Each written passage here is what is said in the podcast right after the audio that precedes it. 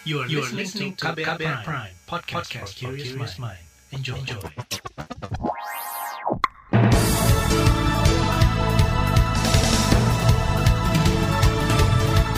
Selamat pagi saudara, senang sekali kami bisa menjumpai Anda kembali melalui program Buletin Pagi. Edisi Selasa 29 Desember 2020 bersama saya Agus Lukman. Sejumlah informasi pilihan telah kami siapkan, di antaranya dua inovasi dalam negeri untuk periksa COVID-19 mendapatkan izin edar dari Kementerian Kesehatan. Polri menemukan 12 lokasi pelatihan terorisme di Jawa Tengah. Rumah Sakit Hasan Sadikin Bandung mengalami lonjakan pasien kasus COVID-19. Inilah buletin pagi selengkapnya. Terbaru di buletin pagi. Dua inovasi lokal atau buatan dalam negeri untuk tes cepat pemeriksaan COVID-19 akhirnya mendapat izin edar dari Kementerian Kesehatan. Dua alat itu adalah Ginos buatan Universitas Gajah Mada Yogyakarta serta C4 buatan Universitas Pajajaran Bandung Jawa Barat. Menteri Riset dan Teknologi Bambang Brojonegoro mengapresiasi dua inovasi lokal tersebut. Ginos ini sudah memperoleh izin edar dari Kementerian Kesehatan ya AKD 20401022883 ya. Jadi artinya mulai saat ini Ginos sudah bisa diproduksi massal dan didistribusikan atau dipakai Ginos merupakan alat deteksi COVID-19 pada seseorang dengan metode embusan nafas, sedangkan CEPAT merupakan rapid test antigen menggunakan metode usap. Menteri Riset dan Teknologi Bambang Brojonegoro mengatakan Ginos unggul dalam kecepatan, kenyamanan, dan akurasi hasil yang tinggi. Ginos kini sudah dipergunakan di Rumah Sakit Karya di Semarang, Jawa Tengah, dan Rumah Sakit Bayangkara, Yogyakarta. Anggota tim Ginos COVID-19 dari Universitas Gajah Mada Yogyakarta, Dianka Nurputra, memastikan mesin uji COVID-19 melalui embusan nafas buatan mereka sudah lolos uji validasi, diagnosa, dan mendapat izin edar dari Kementerian Kesehatan. Dian mengatakan harga jual alat ini mencapai 62 juta rupiah per unit. Kelebihan dari alat ini di antaranya adalah lebih murah biaya pemeriksaannya. Satu unit mesin ini disertai dengan cartridge yang ada HEPA filternya, adaptor, kabel sensor, kabel serial dan kabel USB, dan bismillah kemudian yang unit terpisahnya ini adalah uh, kantong pasnya ini dengan HEPA filternya. Untuk harga dari satu unit ini di eceran tertinggi kurang lebih 62 juta rupiah dengan HEPA filternya rata-rata 20 ribu. Namun HEPA filter ini bisa dipakai 100 kali dan baru diganti atau diganti pada saat didapatkan pasien kasus positif. Anggota tim Ginos dari Universitas Gajah Mada Yogyakarta, Dian Nurputra menambahkan, 92 persen keberadaan virus corona bisa terdeteksi melalui embusan nafas. Dian Nurputra mengklaim sejumlah negara termasuk Singapura sudah mengajukan pembelian Ginos, tapi Universitas Gajah Mada saat ini baru melayani pembeli dalam negeri. Sementara itu alat uji cepat antigen cepat yang dikembangkan Universitas Pajajaran Bandung diklaim bisa mengatasi ketergantungan akan kit antigen impor. Koordinator Peneliti Diagnostik COVID-19 dari UNPAD, Muhammad Yusuf mengatakan, alat tes cepat yang mereka kembangkan bisa menggunakan kit antigen berbahan baku lokal.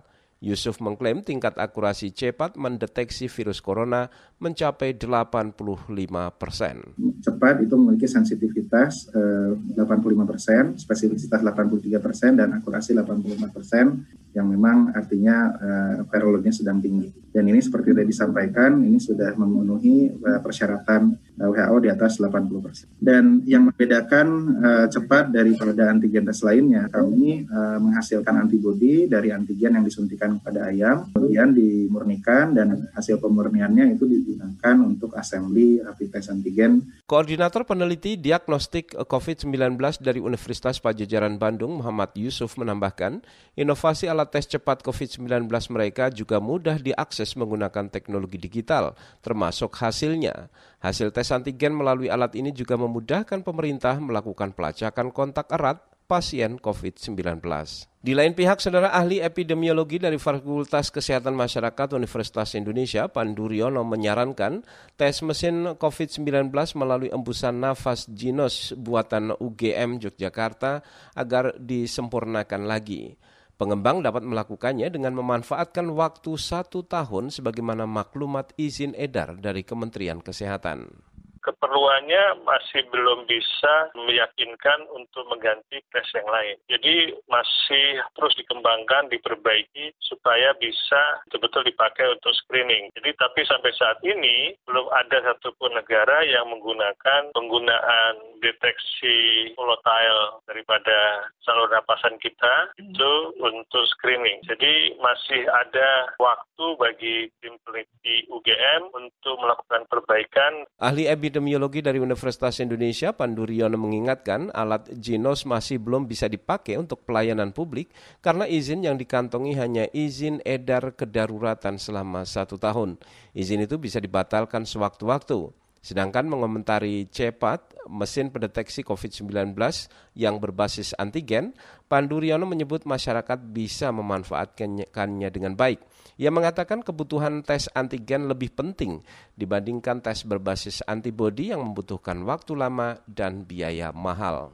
Saudara, pada Mei lalu pemerintah juga sudah memperkenalkan 50-an produk hasil riset dan inovasi dalam negeri. Di antaranya dua ventilator atau alat bantu nafas yang dikembangkan BPPT bersama dengan industri dalam negeri lainnya. Inovasi lain adalah ventilator yang dikembangkan oleh Institut Teknologi Bandung ITB dan kini sudah siap produksi. Presiden Joko Widodo berharap seluruh produk hasil riset dan inovasi terkait dengan COVID-19 terus dilanjutkan dan tidak berhenti pada Purwarupa saja. Saudara Polri menemukan 12 tempat yang diduga sebagai tempat pelatihan terorisme di Jawa Tengah. Informasi selengkapnya kami hadirkan usai jeda tetaplah di Buletin Pagi KBR. You're listening to KBR Pride, podcast for curious mind. Enjoy!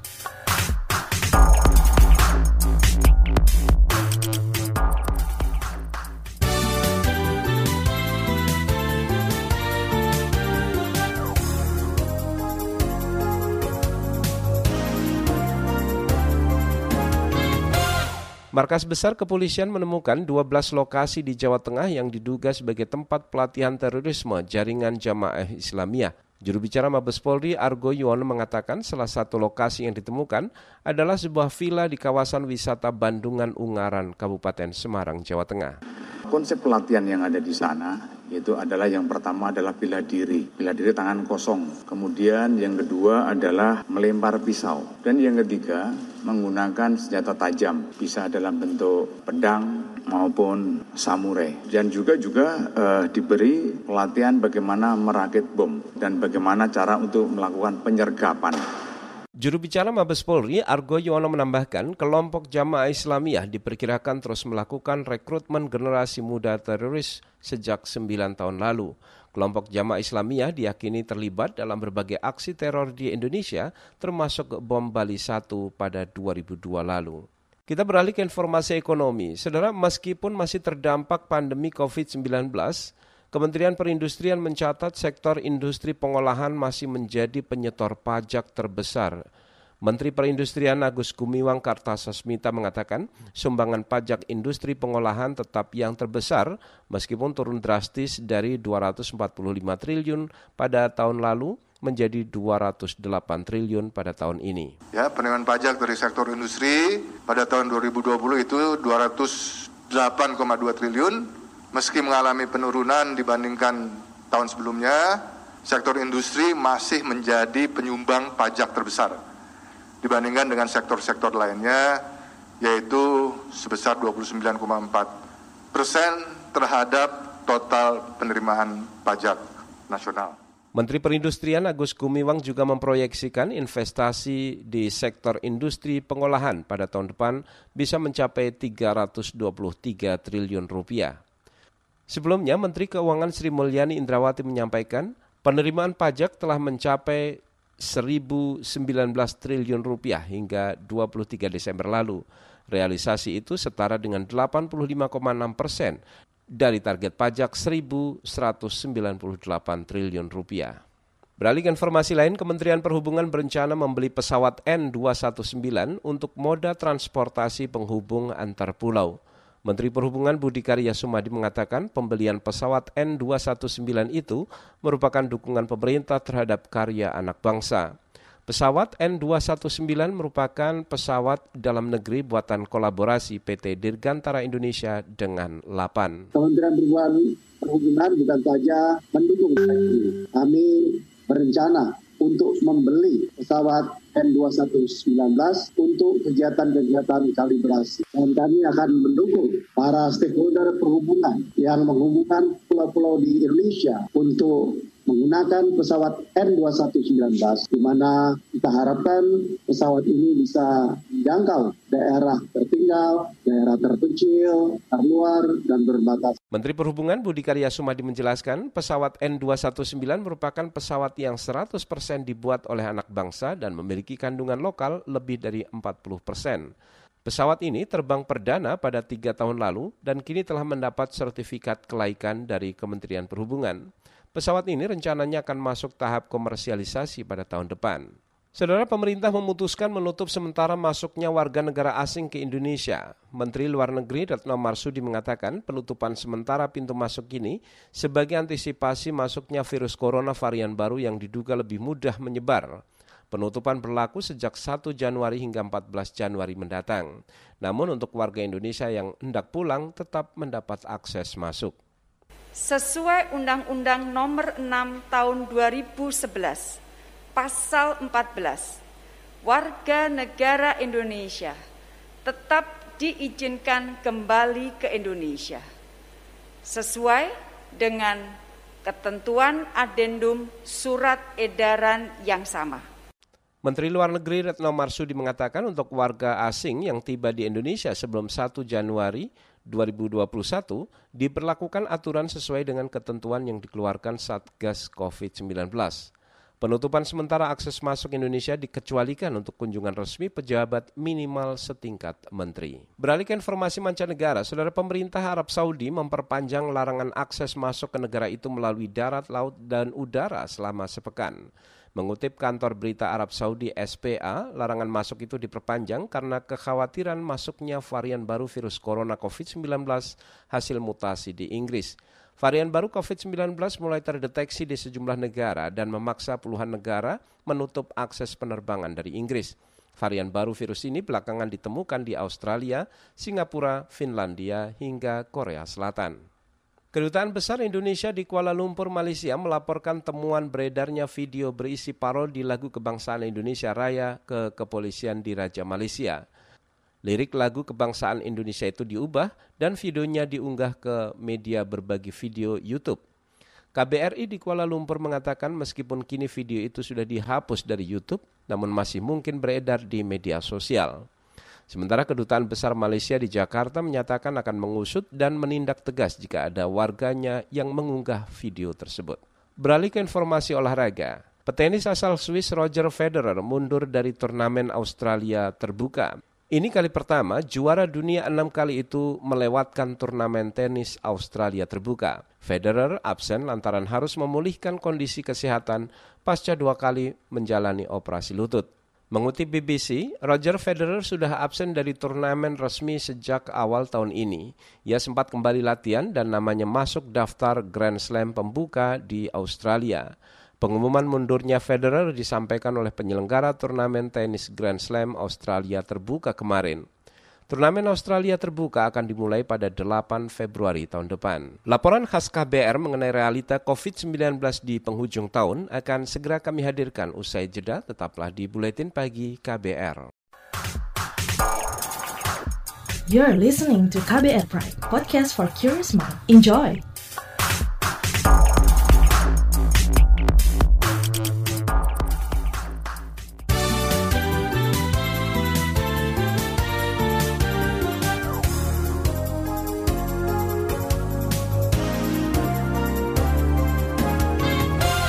Anda masih bersama kami di Buletin Pagi KBR. Tren lonjakan kasus COVID-19 ternyata tidak diimbangi dengan ketersediaan tempat tidur di rumah sakit. Tenaga kesehatan kewalahan dan pasien pun mulai kesulitan mengakses ruang perawatan. Padahal masih ada potensi lonjakan kasus usai libur akhir tahun ini dan juga ancaman mutasi virus corona yang lebih cepat menular. Berikut laporan tim KBR disampaikan Astri Yuwanasari. Sudah hampir sebulan Mila melakukan isolasi mandiri di rumah setelah dinyatakan positif COVID-19 awal Desember lalu. Perempuan asal Garut, Jawa Barat ini terpaksa karantina mandiri karena rumah sakit sudah penuh awal Desember tiba-tiba demam sama batuk-batukan. Dua hari setelahnya kita kayak nggak bisa cium apa-apa. Terus akhirnya ya udah swab aja. Dan ternyata dari berenam itu aku dan dua temenku tuh positif. Dokter dari puskesmasnya bilang isoman aja dulu karena rumah sakit juga penuh nggak bisa dan kalau di rumah sakit pun paling cuma dikasih vitamin aja kan. Nah waktu itu aku sempet drop karena ada penyakit lambung, tapi tetap mutusin untuk isoman. Mila bahkan tak kebagian tempat di Rusun Gandasari, fasilitas karantina mandiri bagi pasien tanpa gejala aku mau mau aja cuman emang nggak dirujuk dan bilangnya penuh nggak bisa. Akhirnya di rumah jadi aku di lantai dua. Nggak kontak sama sekali sama yang lain. Jadi ya udah di rumah aja selagi akunya juga nggak terlalu parah gitu. Jadi selama ini juga ya udah di atas aja sendiri gitu makan vitamin olahraga gitu. Meski bukan pasien kasus berat, Mila tetap khawatir bakal menulari keluarga di rumah. Apalagi ia masih positif berdasarkan tes usap terakhir. Akhirnya isolasi mandiri juga harus diperpanjang 14 hari lagi di rumah pakai masker. Kan kalau misalnya ada yang antar makanan ke depan pintu, itu tetap di rumah pada pakai masker. Terus kayak kemarin kan tes tuh ke luar itu pakai sarung tangan, pakai masker. Pokoknya bawa desinfektan, benar-benar pakai apa protokol kesehatan. Di Jakarta, Rumah Sakit Medistra sudah tidak menerima lagi pasien baru COVID-19 karena ruang intensif dan kamar isolasi penuh. Hal ini diungkapkan Debrina Dewi, dokter relawan yang bertugas di sana bukan nolak sih ya bahasanya kita nggak bisa menerima aja gitu kan karena memang nggak ada tempat lagi nggak ada bed lagi. Secara fasilitas nggak ada lagi gitu. Itu kayaknya emang ya nggak enak gitu ya. Tapi lebih nggak enak lagi itu karena permintaan dari pasiennya sendiri ini juga penuh pressure gitu loh. Mereka juga panik kan soalnya kan. Panik marah-marah. Kita jangan ada kamar juga marah habis itu nggak tahu gimana gitu. Bahkan rumah sakit sampai membuat daftar tunggu untuk mengakomodasi tingginya permintaan pasien-pasien baru setiap hari itu harus mikir gimana caranya supaya efisien gitu, supaya bisa menyediakan kamar untuk yang waiting list waiting list itu. Dan waiting listnya itu lumayan ini nih, antriannya lumayan kayak ngantri ini naik roller coaster di Dufan itu. Ancaman varian baru virus corona tak terlalu merisaukan Debrina. Ia lebih khawatir soal longgarnya disiplin protokol kesehatan dan lemahnya pengetesan, pelacakan, dan penanganan atau 3T. Tapi aku bukan takut karena virusnya strain baru, karena itu menurutku normal virus itu bermutasi dan punya strain baru gitu ya. Yang aku takutkan adalah kita ini nggak bener gitu. Kita satu, kita 3M-nya masih belum menjalani satu Indonesia, ya kan? Terus kedua, sistem testing sama tracing kita pun nggak bener. Positive rate kita gila-gilaan di atas 20% terus. Jauh banget di angka yang WHO maunya berapa gitu kan. Artinya angka yang kita lihat sekarang tuh kemungkinan besar angkanya nggak sekecil itu. Angka kasus yang baru tiap hari itu juga kayaknya nggak segitu juga, kayaknya lebih dari itu gitu. Debrina hanya bisa pasrah menghadapi potensi lonjakan kasus pasca libur panjang akhir tahun. Namun menurutnya sudah ada rencana mitigasi yang disiapkan sejumlah rumah sakit. Siap mental sih mbak, karena kayaknya pasti akan melonjak gitu kan. Ya udah siap mental aja. Sama kita di beberapa rumah sakit kayaknya sudah punya rencana untuk gimana mitigasi ini sih. Jadi ada beberapa rumah sakit yang sudah menyiapkan bed tambahan, misalkan kayak gitu. Tenaga ketenagaan juga udah lumayan mau diatur-atur gitu kan. Supaya nanti saat ada lonjakan kita siap uh, stok obat juga di dipastikan terjamin gitu supaya nanti kalau misalnya pasiennya membludak lagi kita udah uh, bisa perpindahannya bakal lebih bagus daripada sekarang. Situasi serupa juga terjadi di Rumah Sakit Umum Persahabatan, Jakarta. Dokter spesialis paru Erlina Burhan mengatakan ruang perawatan sudah hampir penuh. Tenaga kesehatan juga mulai kelelahan. ICU itu rata-rata di atas 80 sampai 90 persen. Bahkan beberapa ICU sudah 100 persen bed occupancy rate-nya.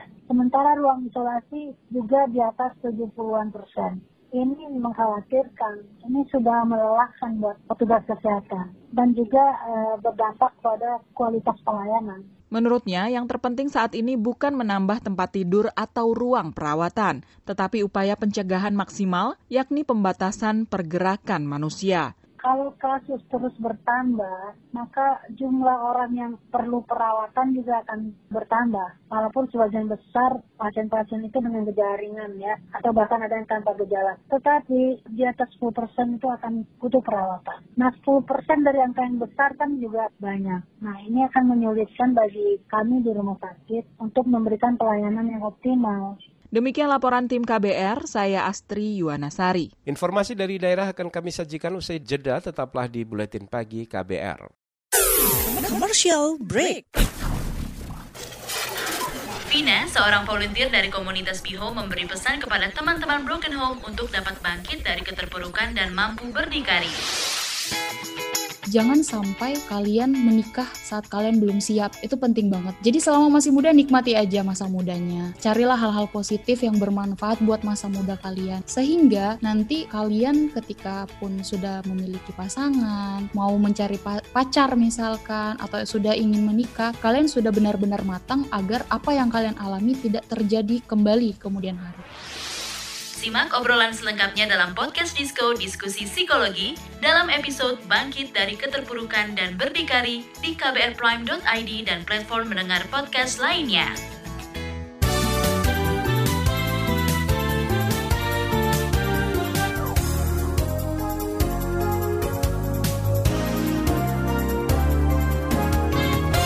Inilah bagian akhir buletin pagi KBR.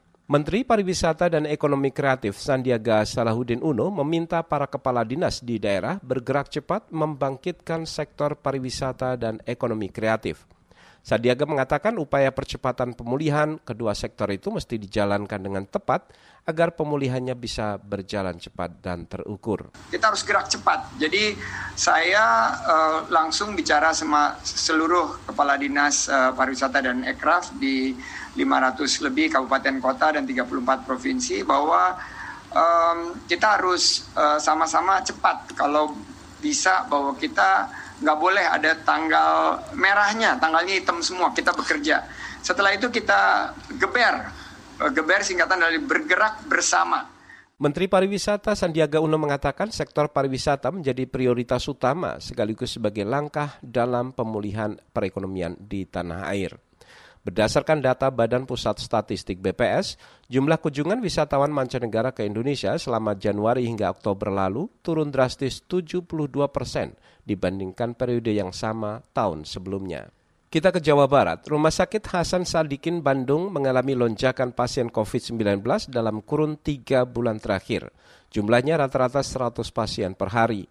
Direktur Utama Rumah Sakit Hasan Sadikin Bandung, Nina Susana Dewi mengatakan, secara total jumlah pasien suspek dan terkonfirmasi positif virus corona mencapai lebih dari 2.000 orang. Kami mempunyai sarana sebuah gedung tersentralisasi untuk COVID, namanya Gedung Kemuning, ada lima lantai, yang empat lantai sudah kami gunakan untuk COVID sebanyak 155 tempat tidur dengan 11 tempat tidur ICU. Sehingga dengan pasien jumlah sekian yang tadi saya sebutkan, bor ICU sudah mencapai rata-rata 91 persen, sedangkan bor ruang isolasinya antara 70 sampai 80 persen.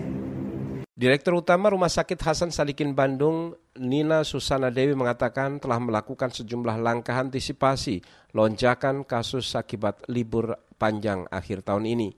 Di antaranya dengan mengubah lantai 5 gedung kemuning menjadi tempat isolasi pasien. Pengelola juga menambah puluhan unit tempat tidur. Sedangkan untuk tenaga kesehatan, pengelola rumah sakit berkoordinasi dengan Kementerian Kesehatan untuk meminta tambahan perawat. Kita ke Lampung. Pengelola Taman Nasional Waikambas di Lampung Timur, Provinsi Lampung masih menutup sementara lokasi wisata bagi pengunjung umum. Juru bicara Balai Taman Nasional Waikambas Lampung, Sukat Moko mengatakan penutupan dilakukan untuk mencegah munculnya klaster baru menjelang libur panjang akhir tahun.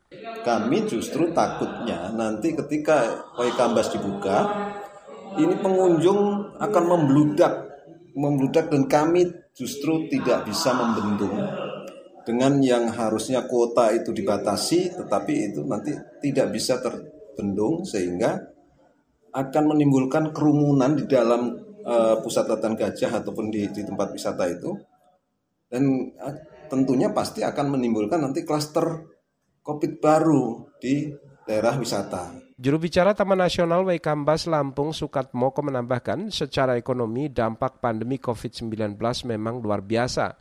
Warga sekitar Taman Nasional yang menggantungkan usahanya dengan lokasi wisata kehilangan sumber penghasilan sejak 9 bulan lalu. Informasi tadi menutup jumpa kita di Buletin Pagi hari ini. Pantau juga informasi terbaru melalui kabar baru, situs kbr.id, Twitter kami di akun @beritaKBR serta podcast di alamat kbrprime.id. Tetaplah mematuhi protokol kesehatan untuk mencegah penyebaran COVID-19. Akhirnya saya Agus Lukman bersama tim undur diri. Salam.